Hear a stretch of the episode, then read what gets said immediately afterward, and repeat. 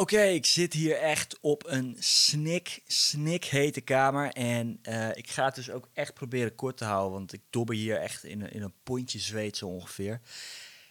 Maar wat een avond. Holy shit. Ik heb echt de gevechten die ik heb gezien. En ik ga heel eerlijk zijn, ik heb ze niet allemaal gezien. Maar de gevechten die ik heb gezien waren echt spectaculair. Dus daar ga ik het over hebben. En ik kan ook echt niet wachten eigenlijk om het erover te gaan hebben. Dus we gaan er niet lang mee wachten. Maar voordat ik het ga doen, abonneer even op dit kanaal. Ik ben te vinden op Apple, ik ben te vinden op Spotify, zoals altijd. En ook op alle andere audioplatformen waar podcasts zo ongeveer te vinden zijn. Oké, nu dat uit de weg is, kunnen we lekker starten met deze nabeschouwing. En dan begin ik gewoon met het laatste gevecht van de avond. Dit is een knaller. Oké, Sean Strickland verslaat Israël Adesanya, voormalig middelgewichtkampioen. Ja, voormalig middelgewichtkampioen. Want Sean Strickland is de nieuwe middelgewichtkampioen. En hij versloeg Israël Adesanya middels een unanieme beslissing van de jury. Oké.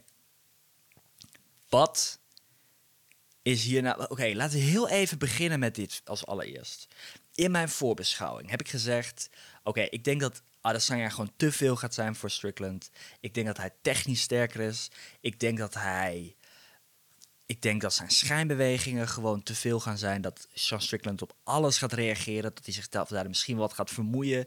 En dat hij openingen creëert voor Israël Adesanya om die uit te, uit te buiten. Of eventueel met tegenaanvallen. Want Sean Strickland is altijd iemand die naar voren blijft lopen. Dus misschien dat Adesanya met soepele tegenaanvallen Sean Strickland wel weet uit te schakelen. En ik dacht dat Adesanya hier eigenlijk de gegarandeerde winnaar zou zijn. Dat dacht ik niet alleen, want ik heb na het opnemen van mijn voorbeschouwing en voor het opnemen van mijn voorbeschouwing luister ik eigenlijk nooit naar andere voorbeschouwingen. Na het opnemen van mijn voorbeschouwing heb ik natuurlijk wel naar anderen geluisterd om te kijken, oh, wat zijn hun gedachten dan, dan over?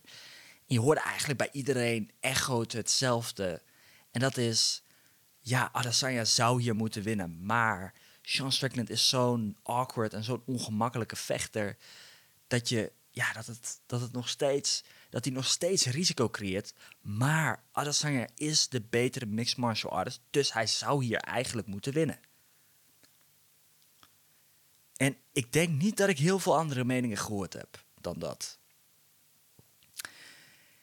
En niks was daarvan waar in dit gevecht zagen we echt iets heel, heel anders. En daar ben ik echt mega erg van onder de indruk. En dat, en laten we dat even vooropstellen, dat maakt mixed martial arts zo'n fucking mooie sport. Is dat we naar iets kijken en dat we denken dat we een idee hebben van wat er kan gebeuren. En dat dat gewoon absoluut niet gebeurt. Dat, dat gewoon. Ik kan, ik, kan, hier niet eens bij bij sommige dingen. En dat, afgelopen jaar hebben we dat vaker gezien. We hebben de underdogs. We hebben die vaak zien presteren. We hebben Alexa Grasso zien winnen van Shevchenko. We hebben Amanda Nunes zien verliezen van Peña. We hebben. Um, we hebben bijvoorbeeld Makachev een lastige pot zien vechten tegen Volkanovski. Oké, wat anders, maar we hebben gewoon veel van dat soort situaties. We hebben Oesman uitgeschakeld zien worden middels een hoofdtrap door Leon Edwards. In de laatste fucking ronde. We hebben Adesanya nog uitgeschakeld zien worden in de laatste ronde tegen Pereira. Dit hele jaar zit vol met dit soort situaties. En nu, Adesanya is betrokken bij die tweede situatie. Waarbij gewoon weer de underdog naar boven overstijgt en onze verwachtingen overtreft. En Man, dat maakt dit zo'n mooie sport. Dat maakt dit zo'n mooie sport. Oké. Oké, dit gevecht. We gaan hier heel eventjes de cijfers erbij pakken. wat is hier nu precies gebeurd? Oké. Dan gaan we naar de per ronde cijfers kijken. Ronde 1. Israël Adesanya land 12 van de 39 stoten. Dat is 30 procent van de stoten die hij poogt, landt hij. Sean Strickland landt 27 van de 52. Dus hij landt in de eerste ronde landt hij al meer stoten dan Adesanya. En hij landt een hoger percentage, 51%. ten opzichte van Adesanya's 30%. Merendeel van Strickland gaat naar het hoofd. En dat komt omdat hij boksen gebruikt. Hè, dus hij richt zich op het hoofd, hij richt zich op het lichaam. Dat is eigenlijk waar het op neerkomt. De benen stukken, stukken minder. Je ziet dat hij in de eerste ronde vier van de zes beentrappen heeft geland. En daarna zie je eigenlijk dat het al afbouwt. Maar goed, nu loop ik op mezelf vooruit. Want dan gaan we naar ronde 2. Adesanya, 12 van de 64, dat is 31% Sean Strickland, 16 van de 32, dat is 50% Sean Strickland's slechtste ronde was mogelijk ronde 2. En daar had ik het idee van, oké, ik geef Adesanya de tweede ronde. En toen dacht ik, ik heb het idee dat Adesanya zichzelf gaat herstellen en vanaf hier met de rondes weg gaat lopen. Maar in de derde ronde, in de derde ronde zien we Sean Strickland weer beter presteren. En je ziet gewoon dat zijn stoten impact hadden. En je ziet Adesanya twijfelen. En je ziet Adesanya's bewegingen worden minder vloeiend. En ook als hij opzij loopt, je ziet hem gewoon... Het is niet wankelen, maar je ziet hem gewoon wat stuntelig weglopen. En het is allemaal niet meer vloeiend. En het is... Je ziet dat zijn zelfvertrouwen weg aan het trekken is tijdens dat gevecht. En dat is ongelooflijk. Maar goed. Ronde 3. Adesanya landt 36%, Sean Strickland 48%. Ronde 4, Adesanya 39, Sean Strickland 60%. Ronde 5, Adesanya 35%, Sean Strickland 50%. Dus Sean Strickland heeft consistent 50% van de stoten die hij waagt, heeft hij geland. Adesanya zit, bungelt daar rond die 33, 34 procent. En dat is gewoon. Dat is echt beduidend minder. En ik denk dat heel veel mensen naar het gevecht kijken en denken: Oh, ik zag Adesanya wel aardig wat stoten proberen te landen. Maar hij kwam gewoon niet door die verdediging van Strickland heen. dat is, wie had dat gedacht? Voordat dit gevecht begon. Want we hebben Sean Strickland zien vechten tegen Alex Pereira. En Alex Pereira schakelde hem uit. Volgens mij in de eerste of in de tweede ronde. En daarom leek dit een, gedane zaak eigenlijk. Maar Sean Strickland heeft echt, echt gepresteerd in het gevecht. En als we kijken naar de totale cijfers. Adesanya heeft 94 van de 271 stoten geland. Sean Strickland heeft 137 van de 259 stoten geland. Dus Sean Strickland heeft minder stoten geprobeerd te landen. In totaal. Maar hij heeft uiteindelijk meer stoten geland dan Adesanya stuk meer stoten geland dan Adesanya. Ongelooflijk. Ongelooflijk. En dan hebben we natuurlijk die prachtige knockdown in de eerste ronde. Dat was echt... Dit was een hele prestatie. Dit was een hele prestatie. En als je kijkt naar Sean Strickland, wat maakte hem nou succesvol? En ik zag volgens mij Kevin Aioli twitteren tijdens het gevecht. Sean Strickland wint door defensie. Hij wint niet omdat hij zo mega actief is geweest. Al is 259 gewaagde stoten een behoorlijk groot, hoog cijfer. Maar Adesanya heeft, zat daarboven. Die waagde 271 stoten. Maar die landde maar 94 stoten. En ik ben blij dat de jury dat opgepakt heeft. Want Adesanya delft hier echt het onderspit. Als je kijkt naar deze cijfers. En dat niet alleen de cijfers. Hè. We zagen ook de impact op het gezicht van Adesanya. De stoten van Sean Strickland hadden impact. En ik denk, na die, na die knockdown in de eerste ronde... Ik denk dat Adesanya op dat moment echt dacht... Shit, ik, ik, ik voel me niet comfortabel in mijn eigen stijl. En ik moet uit dat gevaar... Ik moet buiten dat gevaar van Strickland blijven. En ik denk dat hij daarom niet meer zijn flow te pakken kreeg. En ik denk dat Sean Strickland daarop fantastische wijze gebruik van gemaakt heeft door vooruit te blijven lopen, hem onder druk te blijven zetten. En gewoon die rechte stoten en die 1-2 stoten gewoon te blijven landen, te blijven proberen en gewoon doorgaan, doorgaan, doorgaan. En die verdediging van hem is echt waar. Het is aan het begin, ik, volgens mij zei ik in de voorbeschouwing dat het een beetje een Floyd Mayweather, maar een beetje een slechte versie van de Floyd Mayweather verdediging was. Maar er zit hier duidelijk wat achter. Er zit hier duidelijk wat waarde in. Want om wat voor reden dan ook is dit wat Adesanya zoveel problemen gaf in het gevecht. Dat is de reden dat Sean Strickland dit gevecht gewonnen heeft. Wauw. Jeetje. Maar een gevecht. Oké. Als we kijken naar wat er allemaal gebeurd is daarna. We hebben Sean Strickland gezien. We zien hem met die, met die riem. Het is een prachtig moment overigens. Elke keer als iemand vecht voor de titel. Waar mensen diegene eigenlijk al afgeschreven hebben. En op een gegeven moment winnen ze die titel. Je ziet gewoon dat ze echt zichzelf zelf verbaast. Ze hebben zichzelf verbaasd. Dat maakt het zo mooi om te zien. Dat zag je ook toen Bisping Rockhold uitschakelde in dat gevecht. Je ziet Bisping kijken en zijn ogen gaan wij, wagenwijd op en hij denkt... Hé, ik heb gewonnen. Wat? En je ziet echt, je ziet die emotie in zijn gezicht van... Ja, ik heb hetgene gedaan wat ik wilde doen. Al mijn hele leven. En je, je voelt het gewoon met hem mee. En hier bij Sean Strickland, je ziet hem ook na het gevecht. Je ziet hem zijn handen opsteken. Je ziet hem kijken en denken: fuck ja, yeah, ik heb dit gedaan. En dat is echt, dat zijn mooie, mooie emoties om te zien na zo'n gevecht. Toen zagen we de. Ik, ik heb tenminste de persconferentie daarna ook geluisterd. Je hoort Dana White zeggen: er komt meteen een rematch aan tussen de twee. Israël Adesanya heeft waarschijnlijk nog voor de beslissing aangekondigd werd, is hij naar uh, Dana White gegaan. En ik dacht al, op het moment dat ik dat zag op tv, dacht ik, ik denk dat hij gaat zeggen tegen Dana White, luister, of ik win of verlies, ik wil die rematch. Want ik denk dat ik dit kan fixen. En ik denk dat Adesanya van binnen al wist dat hij had verloren. En ik denk dat Dana White zoiets had van, ja, uh, misschien moeten we dit inderdaad gewoon nog een keer doen om te kijken wat er dan gebeurt. Ik denk puur uit nieuwsgierigheid dat Dana White dat gevecht uh, wil maken. En ik heel eerlijk zeg, ik ben ook wel nieuwsgierig naar het tweede gevecht. Al zie ik nog niet voor me wat er dan anders gaat zijn. Want Adesanya was, was in de persconferentie, uh, persconferentie daarna ook nog aanwezig. En die zei, luister, ik kan deze persconferentie niet doen. Ik ben naar mijn teamgenoten. Ik ga dit eventjes op mijn eigen manier vieren en oppakken en verwerken.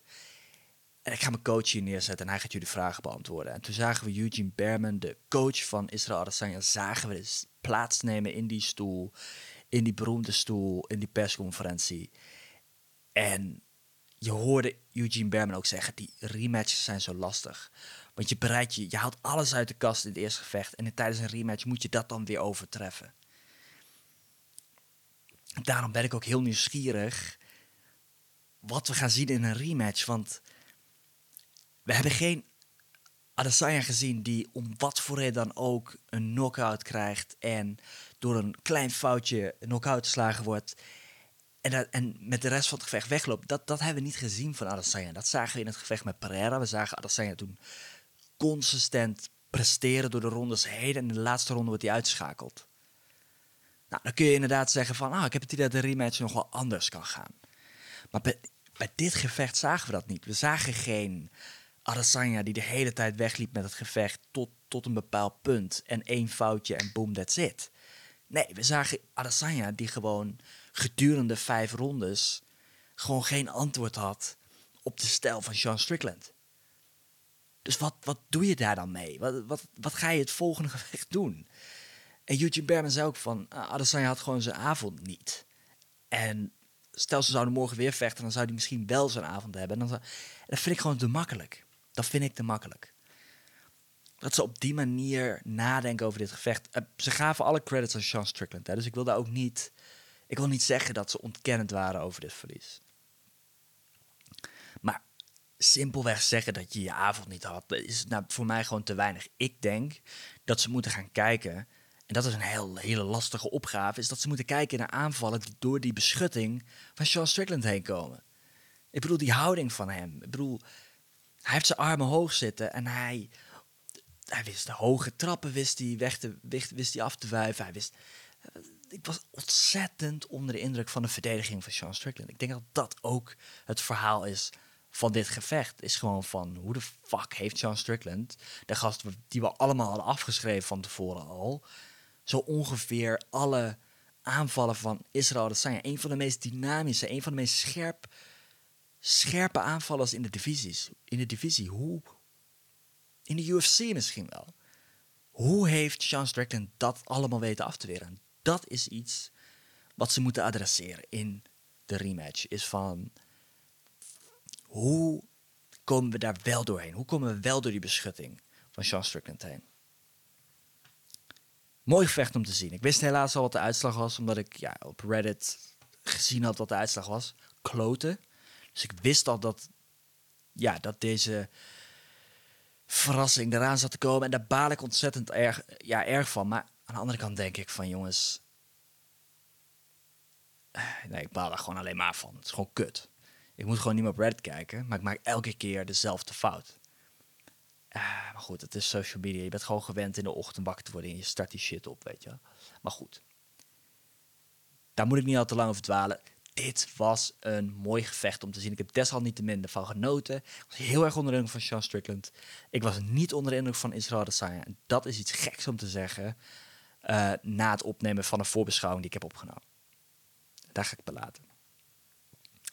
By the way, Laura Senko was, maakte haar debuut als commentator bij UFC. Uh, in de pay-per-views heeft uiteraard eerder al Fight Nights. Uh, heeft ze al achter, achter het bureau gezeten en, en, en de gevechten verslag gegeven, zeg maar. Maar dat zij hier haar debuut maakt, ik vond haar scherp. Ik merk wel dat ze nog een klein beetje. Um, ik merk dat ze af en toe nog wel een klein beetje zoekend is naar uh, wat moet ik hier zeggen en, en hoe moet ik op bepaalde dingen reageren. Maar aan de andere kant, ze doet het echt heel goed. De dingen die ze te zeggen heeft zijn echt interessant.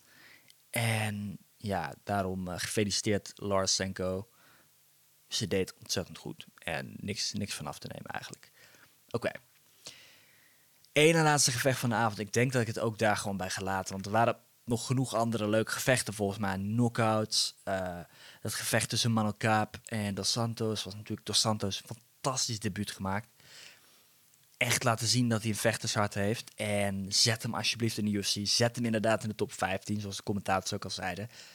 Fuck yeah, die gast heeft echt laten zien dat hij hart heeft. Maar ik wil het eigenlijk alleen nog maar hebben over Volkov versus Tuivasa. Of Tuivasa versus Volkov. En de uitslag hiervan is Alexander Volkov wint middels een submissie in de tweede ronde van Tai Bam Bam Tuivasa. Middels een Ezekiel verwurging. Ik weet even niet wat de Nederlandse naam van is. ga ik een keer opzoeken. Ja, hele indrukwekkend, heel indrukwekkend gevecht. Ik heb hier ook wat notities bijgezet over. Dit vond ik een interessante om mee te nemen in deze nabeschouwing. Allereerst wat me opviel, dat bereik van Volkov zorgde dit keer echt voor problemen bij Tuivasa. En dat Tuivasa heeft dat vaker. Hè? Tuivasa heeft... Oh. Ik heb uh, wat... Uh, mijn maag reageert weer op eten, wat altijd gebeurt tijdens podcast, deze podcast. Dus sorry daarvoor. Maar Tuivasa heeft altijd een korter bereik bijna dan zijn tegenstander. Dus het is een, voor de zwaargewichtdivisie is het een klein mannetje. Natuurlijk wel een zwaar mannetje, maar het is een klein mannetje.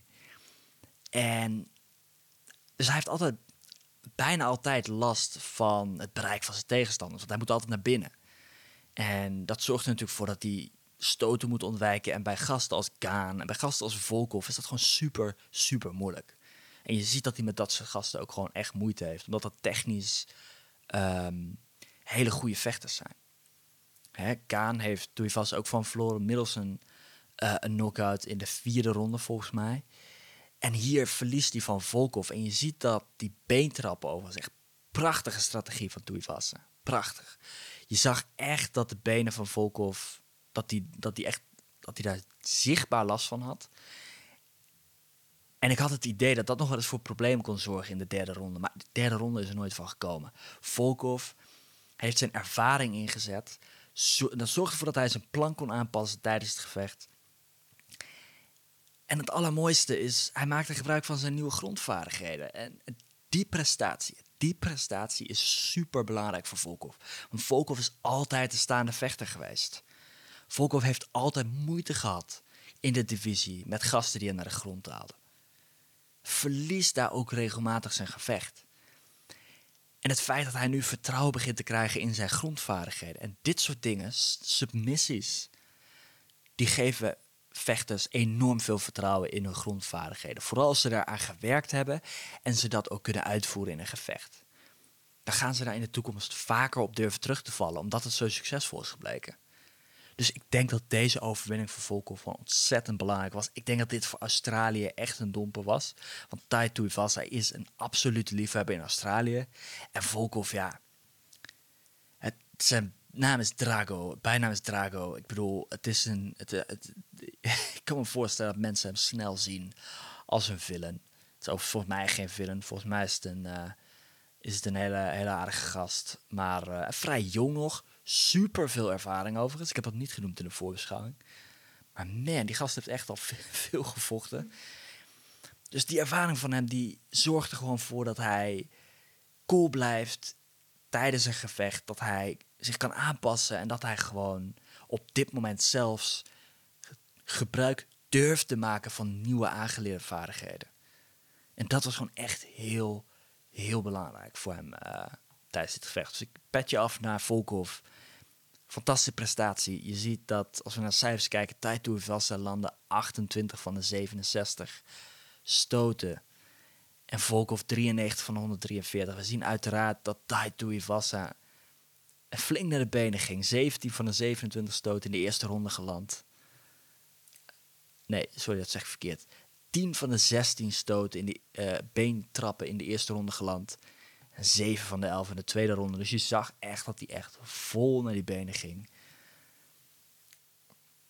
En grappig ook, je ziet Volkov in de eerste ronde 9 uh, eh, beentrappen van de 11 landen. En dan zie je hem in de tweede ronde nog maar één van de 1. En ik heb het idee dat uh, in de tweede ronde dat hij niet meer heel veel vertrouwen had in zijn benen als, als wapen. En dat hij daarom ook gewoon zo graag naar de grond ging. En het feit dat hij dan die, die beentrappen van Tuivasa, die hij die constant blijven landen. Dat feit dat hij dan die benen begint te vangen. Tuivasa op die manier naar de grond krijgt. En daar het gevecht weet te winnen, is toch prachtig. dat is prachtig mixed martial arts. En ik, ik, ja, ik weet niet. Ik kon, uh, je ziet dat hij ook bezig is met Engels, Engels leren. En dat hij. Misschien dat hij in het verleden ook al wel eens Engels heeft gepraat. In, in die interviews met Daniel Cormier in de, in, de, in de kooi na het gevecht. Maar ik vind het in ieder geval hartverwarmend dat hij er zo mee bezig is. Van oké, ik wil echt werken aan mijn communicatievaardigheden. Ik wil werken aan mijn spel. En ik heb, ben, nog, ben nog niet uitgeteld. Dat, dat gevoel krijg ik heel erg van Volkov. En na heel veel gevechten blijft hij zich nog steeds ontwikkelen. En dat is echt een sterke, sterke mindset om te hebben in, in mixed martial arts.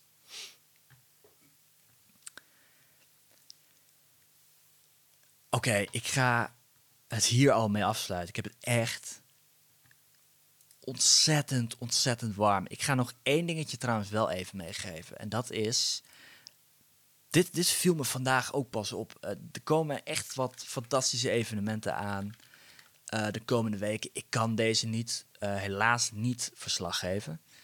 Uh, met voorbeschouwing, nabeschouwing en, enzovoorts. Maar ik zou, als ik jullie al zou kijken, mochten jullie in dit deel van de podcast beland zijn en denken van ja, ik, en jullie luisteren nog steeds, nou, dank, allereerst dank daarvoor. Ik bedoel, fijn dat je de hele podcast hebt uitgeluisterd. Ten tweede, volgende week UFC Fight Night Grasso versus Shevchenko 2 een titelgevecht in een fight night hebben we echt al lang niet meer gezien. Dus Grasso verdedigt haar titel tegen Shevchenko. Dat gevecht is echt een knaller. Vervolgens heb je als co-main heb je Kevin Holland versus Jack Della Maddalena. Die ik eigenlijk op dit evenement had willen zien. Maar die vecht tegen Kevin Holland. 17 september, volgende week dus. Ook een knaller. Dan heb je ook nog eens Raul Rosas Jr., de jongste UFC-vechter volgens mij uh, in, uh, ja, die, die, die zich bevindt in de organisatie. Die vecht tegen Terence Mitchell. Dus dat kan ook wel een interessant gevecht gaan worden. En dan hebben we de week daarna hebben we Rafael Fiziev versus Matthias Gamrot voor de lichtgewicht, uh, lichtgewichtgevecht ook een heel belangrijk gevecht. We gaan zien waar Versief en Camelot staan in de divisie. Welke van de twee uh, een nieuwe poging gaat wagen. En dan zien we Bryce Mitchell weer terug tegen Dan Ige. En Bryce Mitchell hebben we natuurlijk al een tijd niet zien vechten. Is nu dus weer terug. Vecht tegen Dan Ige. Dat gaat ook een spectaculair gevecht worden, weet ik nu al. En dan heb je ook Marina Rodriguez die vecht tegen Michelle Watterson Gomez. Dus de komende twee weken heb je gewoon echt best wel crazy cards uh, of evenementen klaarstaan. En daar ben ik echt al um, echt super enthousiast over. Dus kijk die zeker. De, eigenlijk de drie gevechten, de laatste drie gevechten van alle evenementen zijn gewoon fantastisch. En dan duurt het nog wel even, maar dan zijn we bij UFC 294. Dat wordt mijn volgende voorbeschouwing. UFC 294. Maar let ook. Dat ik vergeten toe te voegen. Dank aan Vechtsportinfo. Ik heb, die, ik heb echt superveel gasten, uh, superveel gehad aan die gasten. Helpen me enorm met plaatsen van content. Helpen me enorm met het uh, maken van contacten binnen de mixed martial arts wereld in Nederland. En er komen ook een aantal interessante interviews aan. Dus blijf zeker dit kanaal in de gaten houden. Ik ga me daar de komende weken op richten. En dan ben ik met mijn voorbeschouwing terug voor UFC 294. Dus hou dat ook zeker in de gaten. En dan komen we terug. Dan zien we Islam Makhachev versus Charles Oliveira. Dus dat wordt echt een fantastisch, fantastisch evenement om voor te beschouwen. Ik ga ook wel mijn research doen, dus luister ook zeker naar als je meer informatie wil over die gevechten. Oké, ik ga het hierbij afsluiten. Abonneer op dit kanaal. Ik ben te vinden op Apple, Spotify en alle andere platformen, audioplatformen waar podcasts te vinden zijn. Dank voor het luisteren en tot de volgende.